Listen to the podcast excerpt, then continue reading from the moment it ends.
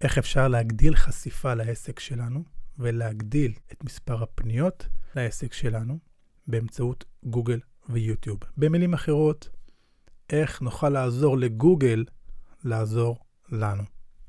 אהלן, אני רועי זכאי, משרה שרה. יש כאן בתיאור של הפודקאסט או ביוטיוב, היכן שאתם שומעים את זה, לינקים אם אתם רוצים ליצור איתי קשר או להירשם לניוזלטר.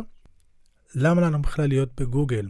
ויכול להיות שעולה לך או לך שאלה כעת בראש של, רגע, אני כבר בפייסבוק, אני כבר באינסטגרם, אני אולי בטיק טוק, למה אני צריכה גם, אה, למה אני צריך גם את גוגל ויוטיוב? ובכן, ההבדל המהותי, וזה דבר מאוד חשוב, זו, זו למעשה, זה למעשה המפתח לכל העניין, זה שגוגל ויוטיוב, by definition, בהגדרה שלהם, זה מנוע חיפוש. זה מנוע חיפוש, ולכן אנחנו רוצים להיות שם. כי אנשים מחפשים שם את הבעיה, את הפתרון לבעיה שלהם. זה יכולה להיות כל בעיה, זה יכולה להיות בעיה נפשית, רוחנית או חומרית. כבר מאיך להחליף ראש ברז, ואז אנחנו נרצה כנראה לראות תוצאה שהיא מבוססת וידאו, או אה, מורה לגיטרה באזור נהריה. כל הדברים האלה. וכל הספקטרום של כל התחומים, אנשים מחפשים את הפתרון לבעיה שלהם בגוגל. יכול להיות שבחלק מהבעיות הם ינסו גם לשאול אנשים ברשתות החברתיות, אבל הרשת החברתית היא לא בנויה, גם מבחינת המבנה שלה. ה-user interface לשאלות ממוקדות, והיא כמובן סורקת הרבה פחות תוצאות. אז בדרך כלל, גם אם אנחנו שואלים ברשתות החברתיות, אנחנו גם לפני כן כנראה, אנחנו גם נחפש בגוגל או ביוטיוב את הפתרון לבעיה שלנו. יותר מזה, חשוב לדעת, במיוחד אנחנו כבעלי עסק, קטן או גדול, כשאנשים מחפשים את הפתרון לבעיה, בהרבה מהבעיות, הם כבר נכונים להוציא כסף. השאלה, אם הם יוציאו את זה אצלנו או במקום אחר. ובואו נחשוב על זה ככה, אני אתן לכם דוגמה. מה המשמעות של להיות בעמוד הראשון בגוגל? וכן, זו המטרה שלנו לעסק. כלומר, כשמישהו ירשום איזושהי שאילתה בגוגל שקשורה לתחום שלנו, אנחנו רוצים להופיע בעמוד הראשון בגוגל, בעדיפות במקום הראשון, שני, שלישי, אולי רביעי. לאחר מכן, מספר הכניסות הולך ומתמעט. המשמעות היא כזאתי, ניקח סיפור, ניקח דוגמה של מעצבת, והחנות של המעצבת נמצאת בקריית שמונה. ויש לה את מספר האנשים שחולפים על פני החנות שלה במשך היום, נגיד בסביבות 5,000 איש עוברים על פני החנות שלה. בואו נחשוב על מספר האנשים שתכלס גם נכנסים לחנות שלה. בואו נחשוב על מספר האנשים שמתוך אלה שנכנסו שרוכשים. ובואו נחשוב על מספר האנשים שרכשו ואחר כך ממליצים. אתם מבינים את השרשרת. כרונולוגיה אה, הגיונית של מסע לקוח בחנות. עכשיו, בואו ניקח את אותה, אותה מעצבת ונעתיק את המקום שלה, את החנות שלה, ונניח את החנות בצורה פלאית בלב תל אביב. מה קורה עכשיו? כמה אנשים חולפים על פני החנות ביום? 5,000 איש? אולי 50,000.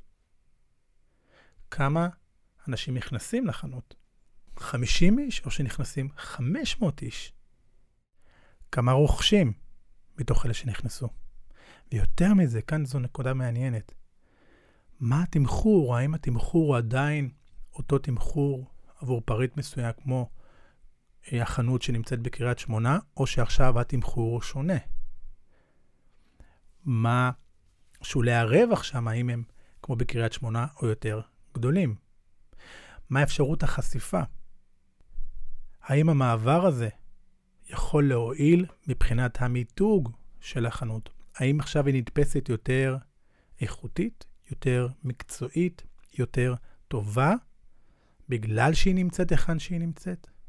כי בואו נחשוב על הפסיכולוגיה המאוד פשוטה, כשאנחנו רואים חנות שממוקמת באזור שהוא מאוד נחשב, ואנחנו רואים טראפיק תנועה שנכנסת אל החנות ויוצאת מהחנות, אנחנו כבר מניחים שהחנות היא ברמה גבוהה. כלומר, יש לה כבר את ההוכחה החברתית הנדרשת, וכמובן, בהלימה גם לרווחים שהם יחסית גבוהים עבור בעלת החנות. אז יכולתי להמשיך עם הדוגמה הזאת, אבל זה למעשה מה שקורה במרחב הווירטואלי, במרחב הדיגיטלי. זו המשמעות של לקחת את האתר שלכם או את ערוץ היוטיוב שלכם ולהעלות אותו, להצליח להרים אותו לתוצאות הראשונות בגוגל. שם זה מרב הטראפיק, אנשים נכנסים לתוצאות הראשונות. ועבור עסק, כל עסק, המשמעות היא אדירה. זה אומר, במקום X הכנסות, זה יכול להביא אותנו להכנסות גדולות פי 10, פי 20, פי 30, אולי אפילו יותר. שלא נדבר בכלל על המיתוג, כי למיתוג יש ערך נלווה שהוא כלכלי. כלומר, מישהו שיותר ממותג, יעלה יותר. בקצרה. ניתן דוגמה, אה, מישהו שמחפש את אה, זמר מפורסם שיבוא לשיר, לא, משה פרץ שיבוא לשיר בחתונה שלו, זה לא יהיה כמו זמר חתונות שאף אחד לא מכיר את השם שלו, שהוא עדיין טוב. אבל בגלל שמשה פרץ הוא כבר מותג בתחומו, אז כמובן שתהיה הלימה מבחינת העלות של להביא אותו. ולהיות סטאר, אפשר להיות בכל אחת מהנישות בשוק. אז איך עושים את זה מבחינה טכנית? אוקיי, אתר, או שאנחנו נלמד איך לעשות אתר בעצמנו. היתרון הוא שכמובן העלות תהיה יחסית נמוכה, אנחנו נכיר את החומר, נרכוש יכולות טכניות, אבל החיסרון הוא שזה ייקח זמן, תהיה עקומת למידה.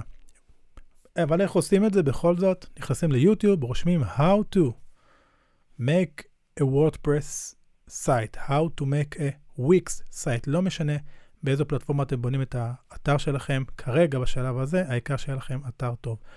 אין לכם זמן לזה, אין לכם ראש לזה, אין בעיה. כנסו לאתרים כמו של פרילנסרים, או freelancerin.com, או xplace, או x, עם המילה place.co.il. תעלו שם בקשה, היי, רוצה להקים אתר, התקציב שלי הוא 1,000 שקל, 2,000 שקל, מה שזה יהיה, ויש המון חבר'ה שיעשו לכם את זה תוך ימים, זה לא בעיה. אפשרות נוספת, אם אתם בתחום, שוב, שהתוכן הווידאואלי יותר מתאים, יוטיוב, חינם לגמרי, תפתחו את הטלפון שלכם, תתחילו לייצר את התכנים. שאלות מאוד פשוטות, אם את מעצבת בית עכשיו, כנסי לבתים, או בתים עבודות שעשית, או בבית שלך, תתני טיפים איך לעצב את המקלחת, איך לעצב את המטבח, השוואה של מוצרים. זאת אומרת, עולם התכנים שם הוא כל כך עשיר. ואם אתם רוצים לקבל רעיונות, אין בעיה. מה שאני תמיד ממליץ לאנשים לעשות זה להיכנס לגוגל ולהקליד את אותה מילת חיפוש של התחום שלנו, אבל באנגלית. באנגלית התחום הוא, התוצאות הרבה יותר דשנות. זה כמות אדירה של תוצאות. כנסו לאתרים הראשונים, ואתם תקבלו שם אינספור רעיונות, תרשמו את זה באקסל בצד ותתחילו לייצר את התכנים האלה. זה כל כך פשוט. זה יכול להיות מורכב, אבל זה לא קשה, אני מבטיח לכם. אז ברגע שאנחנו מייצרים את אותה נוכחות, אם זה באתר, עם עמודים שמספרים עלינו, עם תכנים כתובים, או אם זה ערוץ יוטיוב, או אם זה גם וגם, פשוט להתחיל לעשות את זה. ותזכרו עוד משהו אחד, שיוטיוב ופייסבוק, אני יודע שהרבה מאיתנו נמצאים בפייסבוק, הם לא חברים. זה אומר שגוגל, לרוב, הוא לא יראה תוצאות בעמוד התוצאות בגוגל, שהם עמודי פייסבוק. בפייסבוק, כמו שאתם יודעים, יכול לשנות כל הזמן את המדיניות שלו ולחשוף את התכנים שלנו להרבה פחות אנשים. זה בדרך כלל גם המגמה, כי בסופו של דבר הוא רוצה שנשלם על התכנים שאנחנו מייצרים, על החשיפה שאנחנו רוצים לתכנים שלנו. אז מוזמנים ליצור איתי קשר בלינקים שמצורפים לפודקאסט. אני רועי זכאי, ועד הפעם הבאה. ביי ביי.